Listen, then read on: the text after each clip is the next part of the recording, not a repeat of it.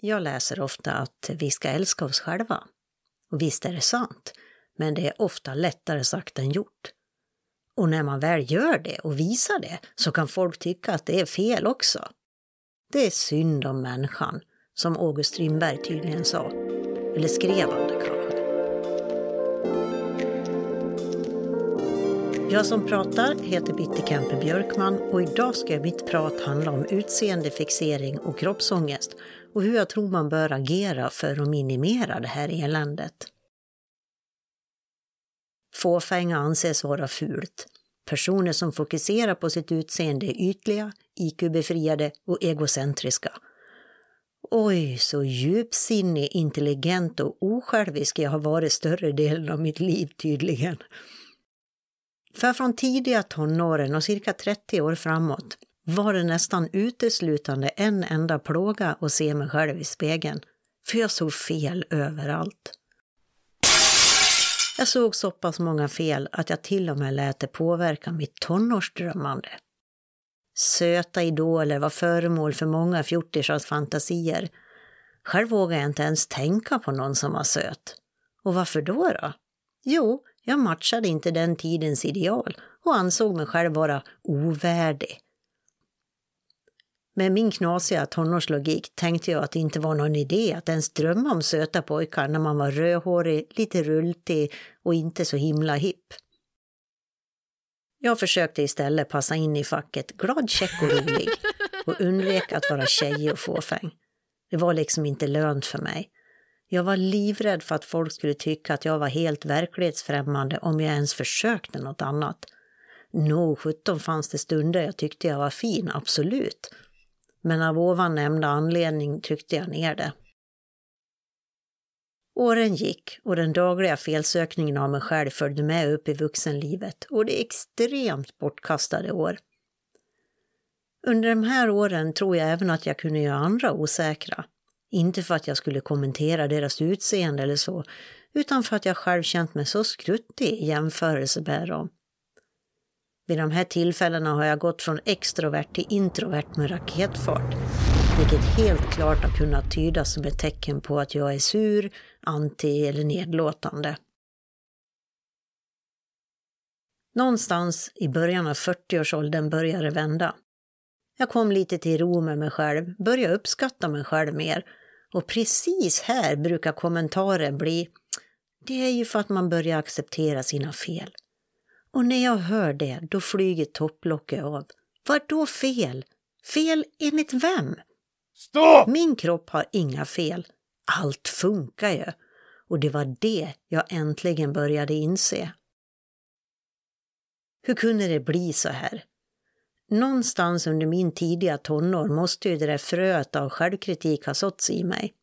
Hemma fick jag ju till exempel höra att jag skulle hålla in magen. Jag jämfördes med andra och även om det var till min fördel så insåg jag ju att någon annans egenskap var fel. Det här gödslades med omvärldens bild av hur man ska se ut och det där fröet det grodde och växte och satte sig fast i mig med sina djupa rötter. Hur undviker man att hamna i det här läget? Särskilt som förälder har man ju ett oerhört stort ansvar. Vad kan man tänka på för att inte börja kasta ut de här fröna hej vilt till sitt barn? Jag tänker så här. Använd ord som till exempel välmående och hälsa när det gäller kroppen. Jag försökte ofta gå ner i vikt under mina döttrars uppväxt, men tack och lov har jag aldrig prata om vikt och kilon i samband med det. Alltid hälsa. En liten passus förresten. När jag för 12 år sedan slutade banta och istället började äta lågkolhydratkost ordnade sig både hälsan och vikten för mig. Tänk på vad du säger. Något man hasplar ur sig utan att tänka efter kan sätta djupa spår. Sluta bedöma helt enkelt. Jämför inte. Det är totalt ointressant hur man ser ut i jämförelse med andra. Överlag, uppmuntra och peppa dina barn. Få dem att fatta att de är helt fantastiskt underbara precis som de är. Det gör det lättare för dem att motstå trycket från omgivningen. Jag har gjort jättemånga fel som mamma, men faktiskt lyckats med det här när det gäller mina döttrar. Ingen av dem har någonsin visat minsta antydan till att vara missnöjda med sig själva. Jag tror att det viktigaste av allt är att du inte ska prata nedlåtande om dig själv och ditt eget utseende. För övrigt bör ju de här råden praktiseras mot alla medmänniskor så vi hindrar de där ogräsfröna från att spridas överhuvudtaget. För får de fäste någonstans kan ju rötterna som sagt sätta sig djupt och nästan bli omöjliga att dra upp. Och visst sjutton kan jag tycka att en person är mindre fager. Men andra kan ju tycka att samma person är det vackraste Gud skapat. Och det här bevisar ju verkligen att skönheten ligger i betraktarens öga. I det här sammanhanget vill jag även passa på att ta upp det här med kroppsaktivism. Jag har absolut ingenting emot att folk av olika storlekar visar upp sig. Tvärtom tror jag att det är toppenbra. Men det blir så fel när någon som är överviktig anses modig som visar upp sig, medan en som är mycket smal får höra att han eller hon är alldeles för smal eller mager. Det är i alla fall mitt intryck överlag. Släpp alla kroppar fria och sluta kommentera utseendet helt enkelt. Jag har aldrig tidigare mått så bra som jag gör nu. Jag har ingen värk, inga skador, inga sjukdomar och jag har släppt min utseendenoja. Idag gillar jag mig själv skarpt, inifrån och ut. Och jag vill och vågar visa det. Jag struntar i om någon tar illa upp och rynkar på näsan. Jag vägrar hålla mig själv tillbaka. Och har jag en himla tur så kan jag faktiskt få någon annan att också våga. Såklart bryr jag mig om hur jag ser ut. Klimakteriet, vars mindre trevliga effekter jag länge varit skonad ifrån, satte till slut klorna även i mig och jag la på mig ett par kilon. Jag kunde fortfarande ha mina kläder men de satt inte bekvämt. Och den där putmagen, den funkar inte alls i mina älskade klänningar.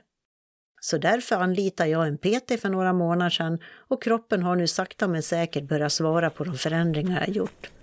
Bra för min fåfänga, men såklart allra bäst för min hälsa. Fett som sitter på magen är nämligen det dummaste av alla fetter och kan i långa loppet ställa till det. Jag har fått skit för att jag har låtit proffsfotografer ta bilder av mig till mina hemsidor och min marknadsföring. Inte öppet dock, men eh, genom att bli kontaktad personligen. Jag har då bland annat fått höra att jag har ett enormt bekräftelsebehov. Sen är det säkert folk som tänker att jag har det utan att de säger något. Men jag lovar, det sista jag har är bekräftelsebehov.